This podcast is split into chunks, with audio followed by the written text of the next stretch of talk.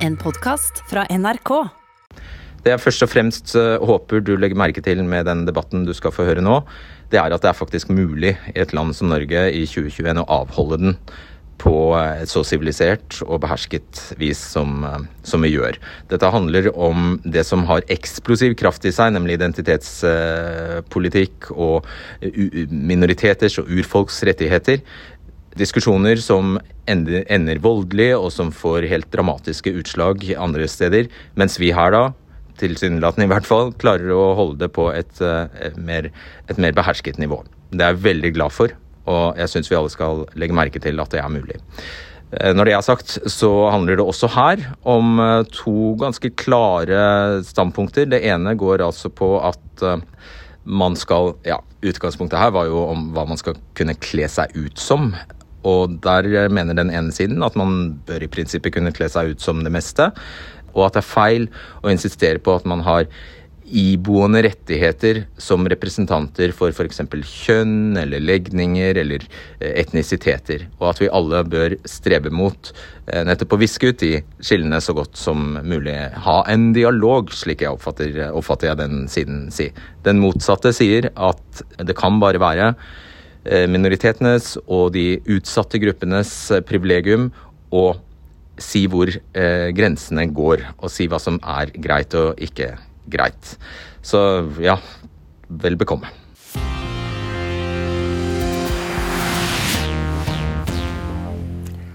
Sølje Bergman, mener du at du og barna dine skal kunne kle dere ut som hva som helst, bare dere ikke mener noe galt med det? Ja, så snakker jeg først og fremst på barnas vegne, og når intensjonen er god, så ja, så mener jeg at, man, at barn skal få lov til å kle seg ut, for de skal få lov til å utforske, være kreative og få bruke fantasien helt uten å tenke på noe annet enn at de er et barn som skal få lov til å leke med forskjellige karakterer og forskjellige personligheter. Mm. Lisa Ramna Finnbog, kan Sølje Bergman og barna hennes kle seg ut som samer hvis de vil det? Nei, det syns jeg ikke. Da er vi for så vidt i gang med debatten her, og du kan bli med i diskusjonen. Da klikker du deg inn på nrk.no nå. Halloween-kostymene fra helgen ligger slengt i en krok i mange norske hjem akkurat nå. Og mang en forelder har lurt på hva det egentlig er innafor å kle seg ut som. Alle husker vel hvor mye bråk det ble for noen år siden da Siv Jensen kledde seg ut som dette. Men uh, denne debatten handler også om at uh, faren til Pippi i Astrid Lindgrens bøker ikke lenger kan være en negerkonge. Han ble omdøpt til sydhavskonge. Eller at barnehagene ikke lenger synger Torbjørn Egners vise om vesle Hoa, som var en hottentott. Og Diplomis sin maskot, Eskimonika, er historie. Nortura endret navn og logo på joikakakene. Nå heter de Vilti. Og I fjor mente mange at eh, spraytannen til Mads Hansen, som er programleder i Farmen på TV 2, var rasistisk. Andreas Brennstrøm, du er formann i FPU. Eh, det Siv Jensen gjorde der i 2017, det var det mange som ble veldig forarget over. Men du mener fremdeles at det var greit? Ja, altså jeg mener at Det denne debatten sårt trenger, det er litt sunn fornuft. og Da må vi se på intensjonen bak, ikke bare høre på de som roper høyest at de er krenket. Fordi Veldig ofte så tror jeg at det er ganske uskyldig og tilfeldig, og at man heller, som f.eks. i Siv sitt tilfelle, kledde seg ut som månestråle fordi man hadde positive minner eh, med den karakteren fra da man var liten, ikke fordi man ønsket å gjøre narr av noen. Så jeg mener det er intensjon bak som bør være rådende for hvorvidt det er greit eller ikke. Lena Haveika Westlake, eh, ikke så gitt at du skulle være såkalt indianer, men du er faktisk det, fra eh, det som heter Kiowa-samfunnet. Eh, hva syns du om Siv Jensen, og hvis hun hadde gode intensjoner, hvorfor var det ikke greit? da? Ja, jeg syns det er uheldig at en fremtredende politiker skal kle seg som et eh, folkeslag som historisk sett har vært undertrykket, om ikke nærmest utryddet. Jeg er jo heldig som kan stå her i dag og motbevise det. Så ja, jeg, jeg syns ikke det er greit, til tross for intensjonen som kanskje ligger bak. Jeg syns særlig personer i det offentlige øyet har et ansvar for hvordan de presenterer seg i offentligheten. Og så er det jo liksom spørsmålet Hvor langt skal man dra det? da? Eh, altså F.eks. spørsmålet som ble stilt eh, tidligere denne uka, eh, om man skulle få lov til å la et barn kle seg ut som eh, Aladdin. Jeg tror det blir å dra det veldig langt om man skal bli krenka over at en liten gutt skal kle seg ut som eh, Aladdin eller ikke, og gjøre det til noe rasisme, mener jeg er å tillegge folk meninger de overhodet ikke har. Og jeg mener at vi må la folk, få, altså, la folk få tvilen til gode, og ikke tolke hverandre i verste mening, men heller i beste mening. For det er intensjonen bak som må være avgjørende. Jeg er absolutt helt enig med at vi alltid må gå ut ifra at folk har de beste intensjoner med det de gjør.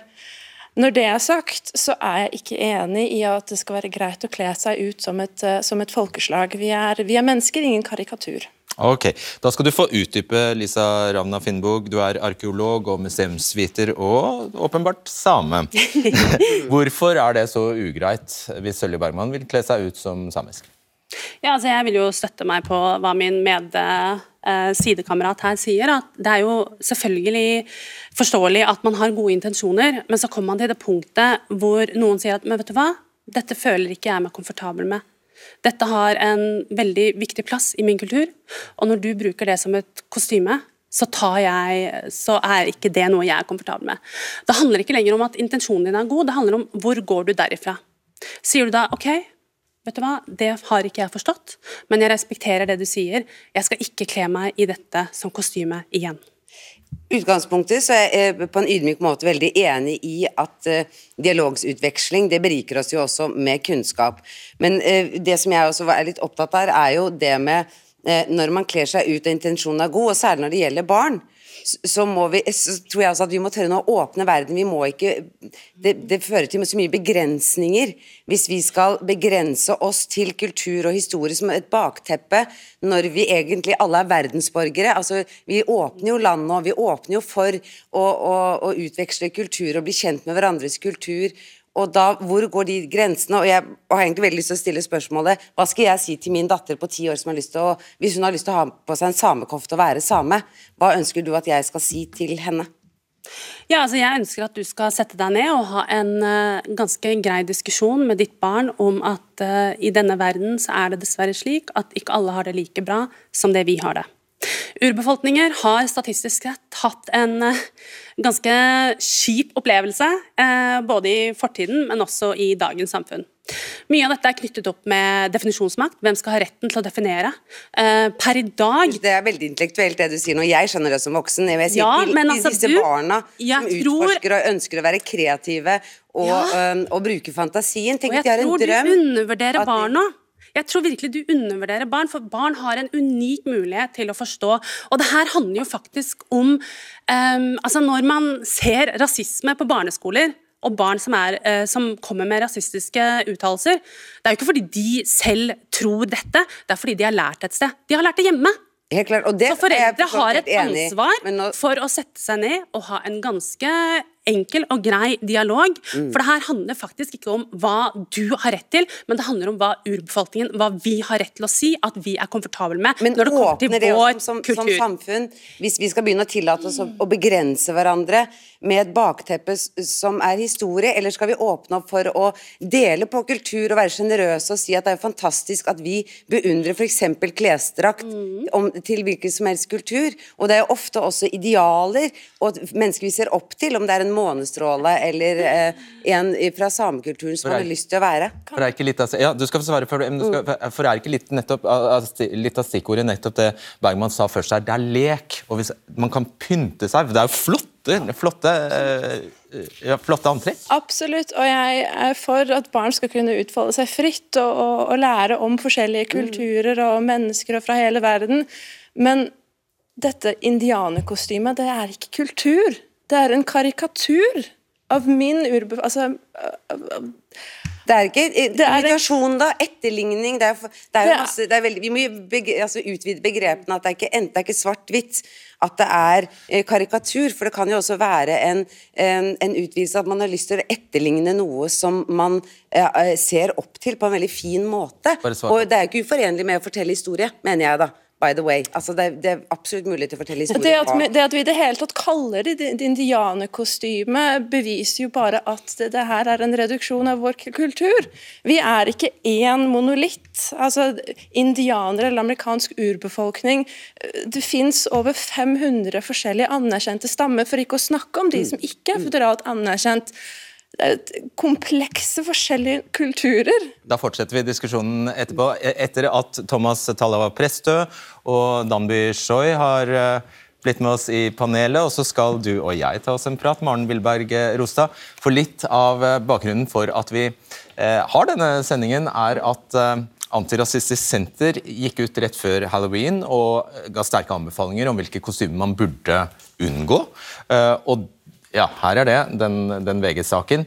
Og Det førte bl.a. til reaksjoner om at det var veldig humørløst, deriblant fra, fra deg, eh, Rosta. Du er småbarnsmor, og um, ja, halloween sto sentralt i helgen hos dere også. Du er for øvrig også journalist i Avisa Oslo, eh, og det var eh, her vi kunne se debattinnlegget fra deg i eh, Oslo-debatten, som er eh, Avisa Oslos eh, debattsider. Hvilke reaksjoner har du fått etter at du litt retorisk spurte hva kan jeg egentlig kle sønnen min i? Du har fått veldig mange forskjellige reaksjoner. Mye støtte. Mange som har vært kritiske. Jeg synes jo liksom, Grunnen til at jeg skrev det her, er fordi jeg liksom undrer meg litt. Fordi man blir redd for å trå feil. Når du står i en utkledningsbutikk med to små barn som f.eks. syns at det er så fint om de kan kle seg ut som Disney-heltene sine, Aladdin eller Jasmin. Ta, La oss ta Al- Aladdin, siden du har eh, Det er det Ja. eksempelet du selger. Aladdin fra 'Tusen og en natt'-eventyret, som er et persisk eventyr, egentlig. altså Litt sånn orientalsk eh, Mhm. utseende. Kostyme, eh, ja, kostyme på han, da. Ja, det er det jeg tenker. Kostyme på han. er det, Det er, jo mer, det er jo ikke noe mer Vi sminker ikke fjeset hans brunt, eller gjør noe sånn, men om han går i det kostymet, eller om datteren min går i jasminkjolen sin, som hun har liggende hjemme, så kan ikke jeg helt se problemet med det. Og Derfor så spør jeg meg er det greit, eller er det ikke. Og jeg fikk jo tilbakemeldinger da på Nei, barna dine kan ikke kle seg ut som Aladdin eller Jasmin. Hvis de skal kle, kle seg ut, så må det bli som Elsa eller Anna i Frost. Og da begynner jeg liksom å undre litt. Hva er liksom endgamet her? Skal det være sånn at mine barn kun kan ha Elsa og Anna eller Kristoffer, som er som helten i Disney-filmen Frost, da, eh, som sine forbilder, fordi de er like på utsiden?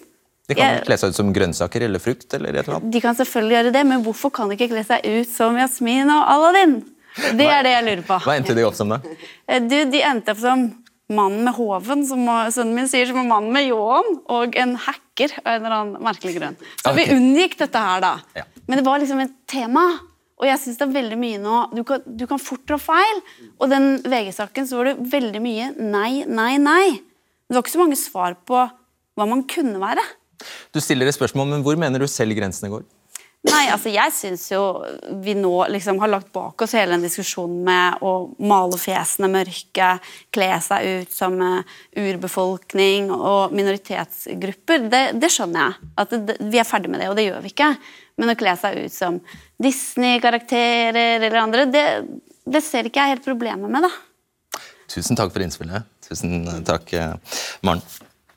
Ja, Thomas eh, Tallava Prestø, du er doktorgradsstipendiat ved Høgskolen i Østfold, og så er du kunstnerisk leder i Tabanka Dans eh. Hva syns du om dette? Altså det, det er jo interessant hvor liksom debatten eller diskursen går, og hvor fabrikkert den på en måte blir. Eh, for det er også noe, er det også noe med hvordan kontekst man gir det. For Hvis man da sier at Disney-karakterer er innafor, hva med Pocahontas? Pocahontas rent historisk ble faktisk voldtatt og drept av den mannen som hun, man lager en romantisk kjærlighetshistorie av i Disney. Så det er David Disney med ganske grov historieforfalskning, egentlig. Så er den innafor, er den ikke innafor? Vi snakket også backstage, så jeg vet jo f.eks. at eh, hennes folkegruppe er det under 2000 igjen av i verden. 12, sorry, 12 000 igjen av i verden. Uansett ganske få som er igjen. Og det må vi også huske på her i det man sier er skal, Bør man, bør man ikke? Hvor mye skade har Men vært gjort osv. Skal man måtte ha en master i kulturstudier eller historie for å eh, gå, gå i det, butikken det, og kjøpe? det trenger man ikke. Det er, det er ved fingertuppene. Og det er, denne diskusjonen her har vært gående i 25 år, 30 år i hvert fall. Jeg har vært med på den i over 25 år. Så man trenger ikke en master. Jeg, jeg var ganske veldreven i dette lenge før det. Det vil jeg si, det var hele min familie, og omegn også. Det er altså Å leke indianer og eh, cowboy er i visse sammenhenger omtrent like musikalsk som å leke SL-soldat og jøde. Og det må man faktisk ha en forståelse for. Det burde ligge i ryggmargen vår nå at det faktisk ikke bare er musikalsk og flott og hyggelig. Men eh, hvis det for noen da ikke er helt intuitivt, f.eks. For nordmenns forhold til eh, den amerikanske urbefolkningen er jo kanskje preget av sølvpilen. Hva gjør man da, hvis, det ikke, hvis man ikke har den mage, magefølelsen, og man, og man bare står der og ikke aner? Det er litt det som man har vært inne på før. Det er det samme som i negerdebatten. Når man respektfullt sier 'jeg ønsker ikke å bli kalt det', og man da svarer 'ja, men når jeg var ung for 60 år siden, så var det helt innenfor når jeg ikke hadde en eneste afrikaner rundt meg', det er der det begynner å bli respektløst og for dumt. For det, det, er, det er en konstruert diskusjon som ikke egentlig burde være en diskusjon. Det burde vært 'ok, da kaller jeg deg noe annet'. Right. Dan Bishoy, du er sjefredaktør i kulturavisen eh, Subjekt. Eh, hvordan reagerer du på det? Nei, jeg tenker, eh, jeg reagerte også først, eh, som du sa. Jeg lurte på om eh, det ikke var lov å kødde lenger, ha en festkveld, være barn, være lættis, og så uten å lese seg opp på hele Store norske leksikon, så ha på seg et kostyme eller en drakt. Men jeg er, for å være helt ærlig, ikke så veldig bekymret for diske, disse diskusjonene. Jeg ble mest bekymret da Thomas sa det burde egentlig ikke være noe diskusjon. Det burde bare vært sånn at du kan ikke kle deg sånn. Det er jeg helt uenig i. Jo, det var det, var det du sa. Men, men, jeg, det, det, men bortsett fra det, så er jeg liksom ikke så altså, Klesstil forandrer seg, hva som er greit og ikke forandrer seg hele tiden, og det er meningen at det skal skje i den offentlige debatten. Jeg blir mye mer bekymret når eh, dette brer seg om på felter som skal være politisk ukorrekte. Det gjelder f.eks. humor, journalistikk, kunst og eh, forskning. Eh, områder hvor man skal kunne utforske og være rare og gjøre mye rart. Og da er det veldig farlig når ytringsrommet, og egentlig det rommet man får lov til å operere i, blir veldig trangt. Så dette ser man jo er en tendens eh, som brer seg, også rundt de private bordene. Men eh, først og fremst er det farlig når dette går inn i institusjonene, og det har vi sett mange tilfeller av i det siste. Jeg sa to ting. Det ene sa jeg at det burde være snart, i rygg, snart burde være i ryggmargen at man har en forståelse for at det ikke nødvendigvis er musikalsk. Det var det jeg sa. Nummer to så sa jeg hvis vi er på personlig nivå, og jeg sier jeg ikke ønsker å bli kalt neger, så bør ikke det være en diskusjon. Det er ganske stor forskjell mellom hva jeg sa, og hvilke ord som blir lagt i munnen på meg her nå. Okay, og det, samme, det. det samme gjelder når faren til Pippi Langstrømpe ikke lenger er negerkonge. Der er det Astrid Lindgren selv som tok den avgjørelsen, og som han videreført forfatters ønske. Når det blir gjort om til at det blir at afrikanere står på, i barrikadene og slåss for det, når det vi har blant annet slåss for, er kvitteringsordning fra politiet osv., så, videre, så blir det igjen en konstruert diskusjon. Men dette ser vi hele tiden når eh, hvite Når, når Justin Bieber lager en dancehall-låt, når eh, det kommer en film hvor det er en hvit som eh, diskutabelt skal bli en eh, Mulan-rolle, når det er eh, noen som skal ha på seg en kimono i en Hollywood-produksjon, da er det mange som veiver med hånda og sier at dette er kulturell appropriasjon. Jeg mener man da skyter seg selv i foten, gjør seg selv en bjørnetjeneste, fordi at eh, i Østen så approprieres vestlig kultur hele tiden. Sørkoreansk film, japansk film, de innhenter japansk, nei, eh, amerikansk inspirasjon hele tiden. Det som skjer da, er at vestlig kultur sprer seg i Østen, men når østlig og svart kultur skal spre seg i Vesten, så er det de aktivistene, woke-tollen selv, som tollegger og bøtelegger denne en kimono og får spre seg. Eh, Og da ender det med at dette blir noe eksotisk. Samekofte er noe eksotisk, noe man ikke kan ta på, noe man ikke skal kødde med, noe man ikke skal røre. Og jeg mener man gjør eh, kulturen en stor bjørnetjeneste Du når skal- man svar på det. har det så trangt. Ja, vet du hva? Nå er det et par ting som jeg syns det er litt viktig at vi holder fokus på her. For det første så snakker vi faktisk om makt. Det her er et spørsmål om makt. Hvem har makt, hvem har ikke makt? Urbefolkninger har ikke makt. Vi har opplevd at vår kultur har blitt eh, appropriert, eh, skamløst av ikke-urbefolkningskulturer. Og når vi nå sier nei, det er nok, vi ønsker ikke dette videre, så syns jeg faktisk at det kan man respektere. Og når du bringer inn Jeg bare stanser deg, for egentlig så, har vi, ja, egentlig så har vi en som aldeles straks skal komme og forklare ordet appropriert, kulturell appropriasjon.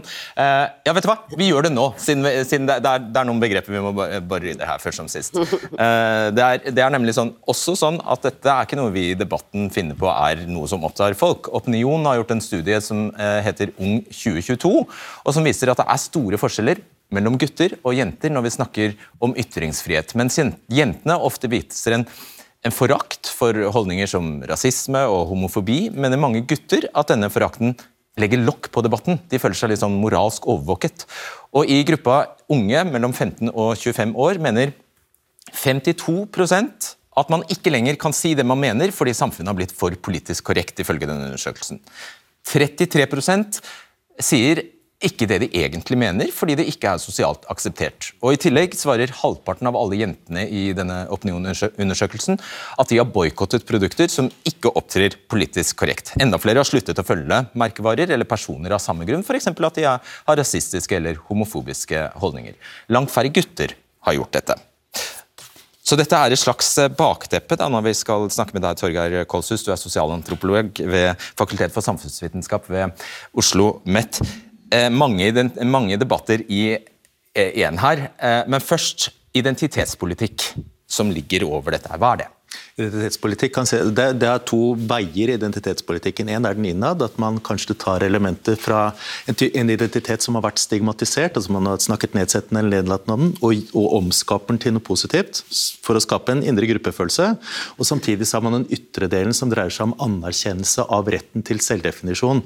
Og i tillegg da også anerkjennelse av det å bli, og at jeg skal ha muligheten til å kunne påvirke hvordan min, min gruppes hverdag ser ut, og hvordan jeg ønsker å bli fremstilt. Egentlig det Finnbog var sær. Ja, det kan du si. Og så er det, også, Politikk er kamp om knappe goder. ikke sant? Og Anerkjennelse og oppmerksomhet er et knapt gode. Så Det er en del av det, det liksom den større sier, identitetsøkonomien i dette. Akkurat. Og dette er drevet fram av aktivister, eller hvordan er det? Nei, det er ikke bare det. Altså Noe er knyttet til rettighetskamp. Eh, og så har det utviklet seg til kanskje til å bli Eh, ja, et, eh, et, et, fenomen som griper om seg. og Det er jo i tillegg da også et, et studiefelt innenfor for, for, oss forskere. så Det er, det er som blandingen av det Det litt, skaper litt begrepsforvirring, kanskje. at Noen bruker det om seg selv og sin rettighetskamp, mens andre fra utsiden og fra forskerståsted ønsker å forstå dette som en sekkebetegnelse på mange ulike ja. prosesser. Og så sier du penger er vesentlig her. Hvorfor, hvordan da? Gi noen eksempler. Ja, Et nytt, element i dette så dreier det seg om at det, det er muligheten til å ta andres kulturprodukter og egentlig monopolisere dem. Og, eh, jeg, jobber, jeg er stillasforsker, jobber i Vanuatu, og der er bungee-jumpingen kommer egentlig derfra, fra en liten fra en øy som heter Pentecost.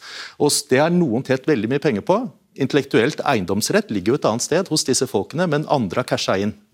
Eller man kan tenke seg at noen hadde plutselig tatt bunaden og tatt mønsteret fra bunaden og sagt at det er, det er vårt, og dere som bruker det nå, dere må betale dere må enten, altså Husflid måtte betale penger til rettighetshaverne. altså Det er den typen logikk som ligger til grunn. Og joikakaker er det samme? Og, ja, det, det, kan, det kan si, men altså, jeg, ja, det skulle hit, jeg nevnte for noen amerikanske kolleger at det skulle hit å snakke om halloween og kulturell appropriasjon. Og det syns jeg var festlig. ja, nå må du forklare det. Ja, ikke sant? Kulturell appropriasjon, Det er jo et eksempel på kulturell appropriasjon. var min lille spøk overfor dem. Altså, Halloween er noe Jeg bodde rett over Standard på, i Øvre Slottsgate i gamle dager, og der var det ingen Det var det eneste stedet altså, kostymebutikk. Kostymebutikken 1995, og utover så begynte det å komme kø. Det er helt nytt i Norge. ikke sant? Men så, så, så spøkte jeg at dette er kulturell appropriasjon, så mente jeg at nei, det er det jo ikke. fordi at vi er, Maktbalansen går jo i vår favør. Altså, amerikanerne er mektigere enn nordmenn, så derfor er det ikke kulturell appropriasjon, og det er et helt riktig poeng. Og Da snakker vi forskjellen mellom kulturlån og kulturran. Og Kulturran innebærer da at man kan cashe inn fordi at man er i en ulik maktposisjon, som gjør at det som kan ses fra fra utsiden, og jeg er helt enig i mange av argumentene som kommer her, det kan ses fra utsiden som, som noe som jeg har brukt uh, uten å tenke noe videre om det. Hva betyr appropriasjon? Appropriasjon betyr at man tar noe fra noen andre. Oh, ja. okay. altså, det, er, det er, altså bemektigelse, bemyndigelse altså, det, det, er, det, tror vi skjønner det. Ja, ja, uh, og så har vi et begrep som er uh, woke.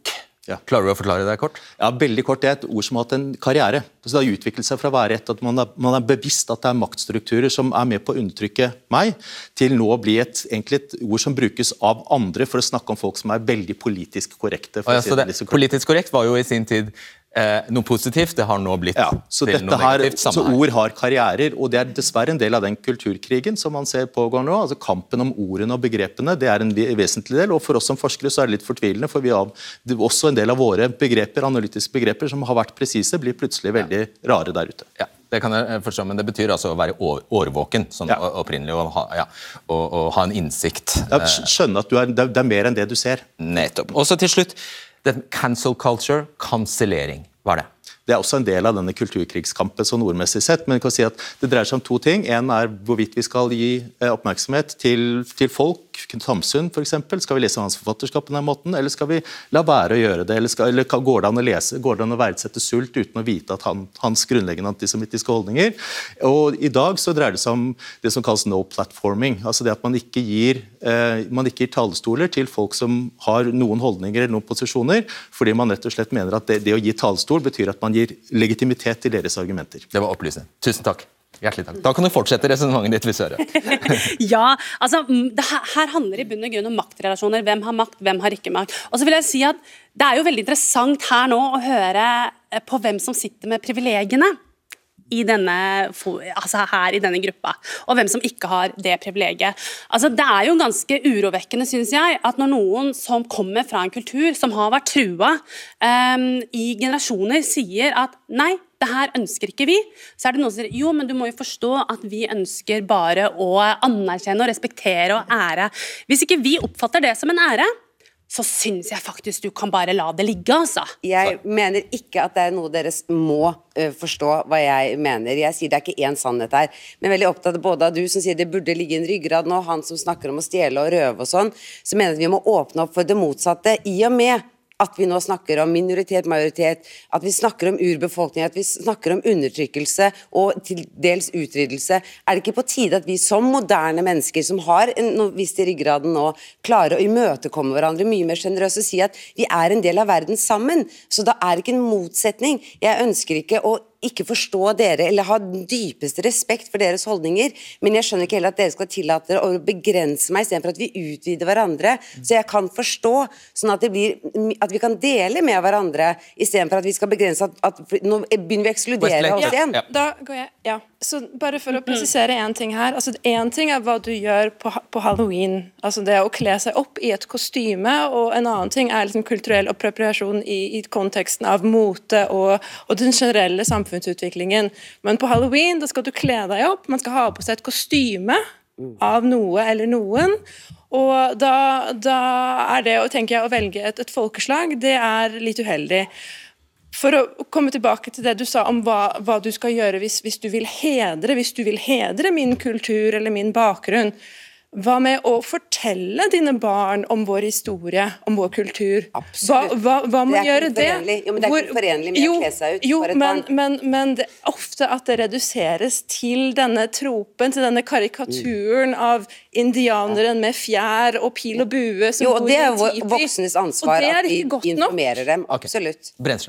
Altså jeg må bare si jeg har veldig stor forståelse for den stakkars moren som syns det er vanskelig å navigere seg i dette landskapet. Med alle disse begrepene, med alle de hensynene som skal tas, så er det jo så å si umulig for vanlige folk å komme frem til et uh, klokt svar. Og som jeg sa uh, tidligere, jeg tror folk har datt av for lenge siden. Vi hører allerede at rasisme i skolegårdene har nevnt. Jeg syns det er å dra det veldig langt å trekke inn et så kraftfullt begrep for noen barn som vil ha det moro på halloween og uh, spørre etter litt uh, La oss komme litt videre fra halloween, fordi ja, dette handler vel faktisk... egentlig om, om, om egentlig å bare respektere at det er, kan ikke være noen andre enn minoritetene selv som får definere når, når, når de er utsatt for noe som er krenkelig. Jo, jeg mener at de skal få uh, på en måte gitt uttrykk for sine følelser, men min innvending er også at hvis man roper ulv, ulv som samfunn for ofte, spesielt når det kommer til så kraftfulle begreper, så tror jeg også at folk blir mindre oppmerksomme på de virkelig alvorlige problemene knytta til rasisme, og tar det mindre seriøst. Og så må vi på en måte prøve å konkludere. Vi ser debatten som går i USA om identitetspolitikk.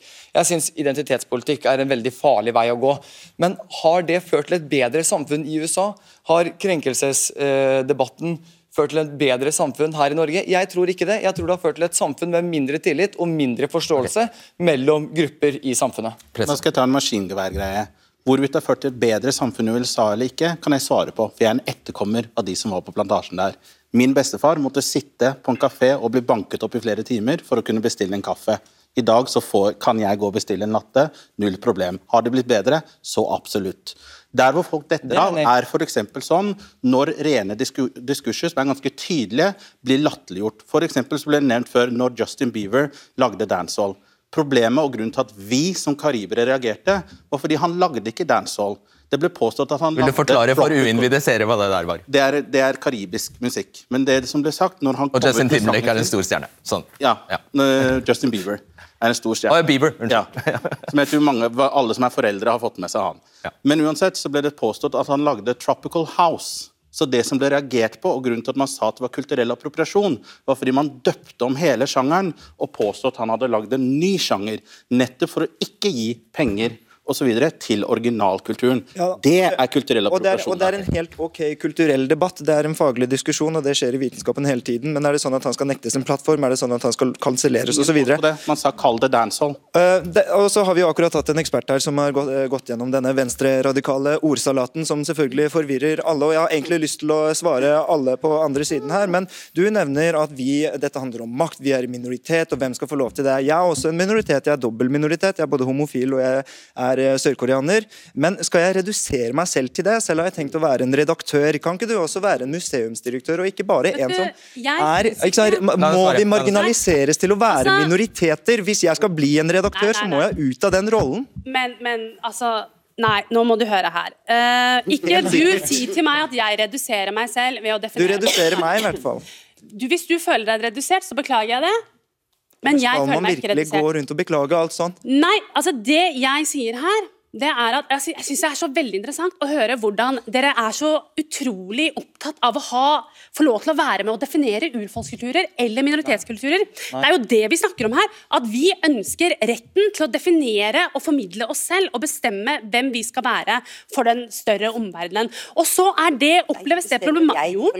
Nei, men det oppleves som problematisk Annet mener du det er problematisk i forbindelse med kostyme for barn. og Grunnen til at du føler at det er problematisk, det er fordi noe dere har hatt eierskap til, noe dere har tatt eierskap til, den hvite Vesten har tatt eierskap til, nå ikke lenger blir akseptert jeg, jeg, som deres eierskap. Nå tar vi det tilbake, og så sier vi at det her er vår rett, det her er vår kultur. Vi, faktisk, vi skal faktisk ha lov til å definere. Ok, Du må få svar på den også. Ja. ja.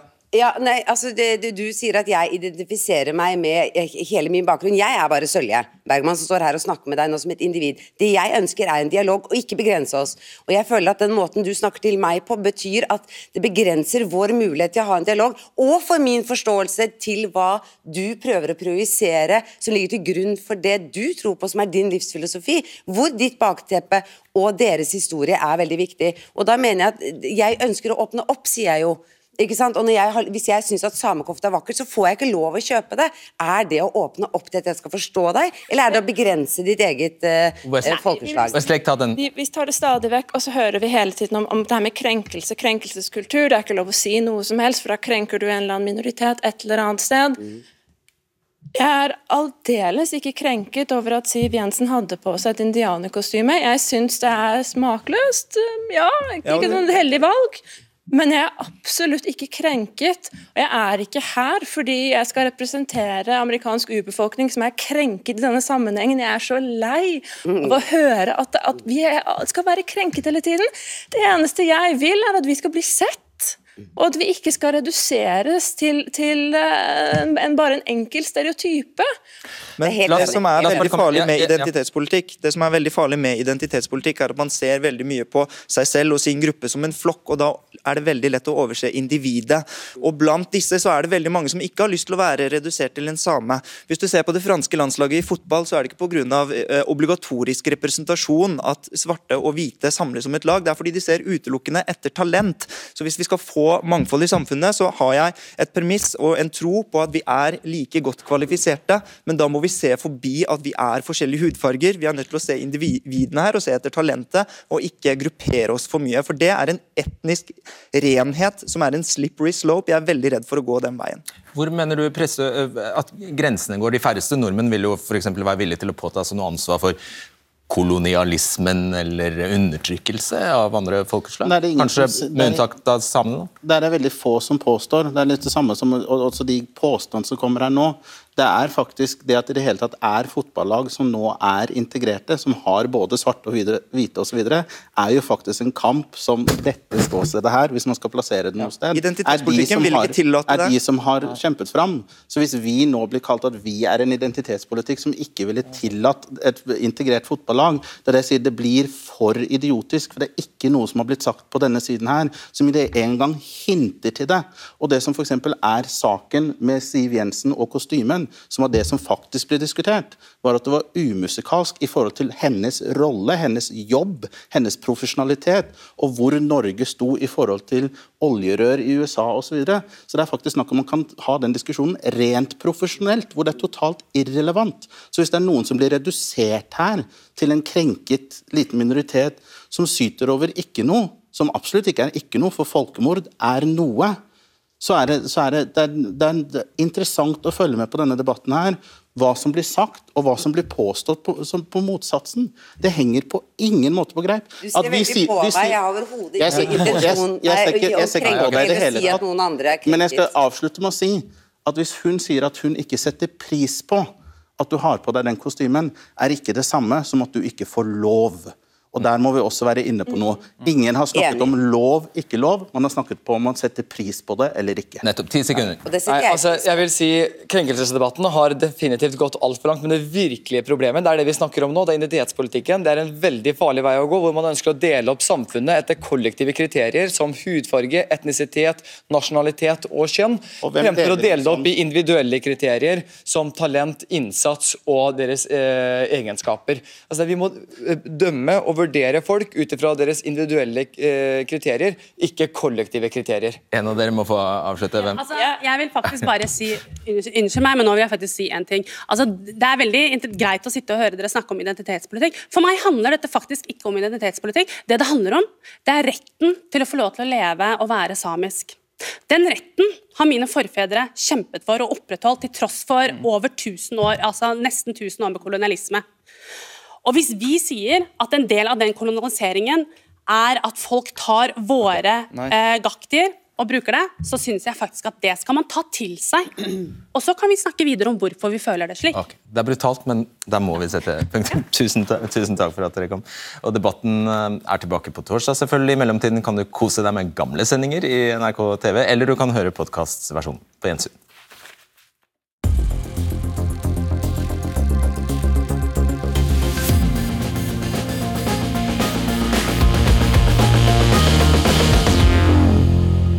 Jeg tror vi landa sånn eh, noenlunde. Jeg bare minne om at eh, dersom du har eh, ja, synspunkter på denne podkasten, eller du har forslag til temaer eller andre synspunkter om debatten, så kan du alltid bruke e-postadressen debatten krøllafa nrk.no. Og igjen, vi leser alt, men vi får ikke svart på alt. Men takk for at du hører på oss, og så høres vi igjen straks. Ha det bra. Du har hørt en podkast fra NRK. Hør flere podkaster og din NRK-kanal i appen NRK Radio.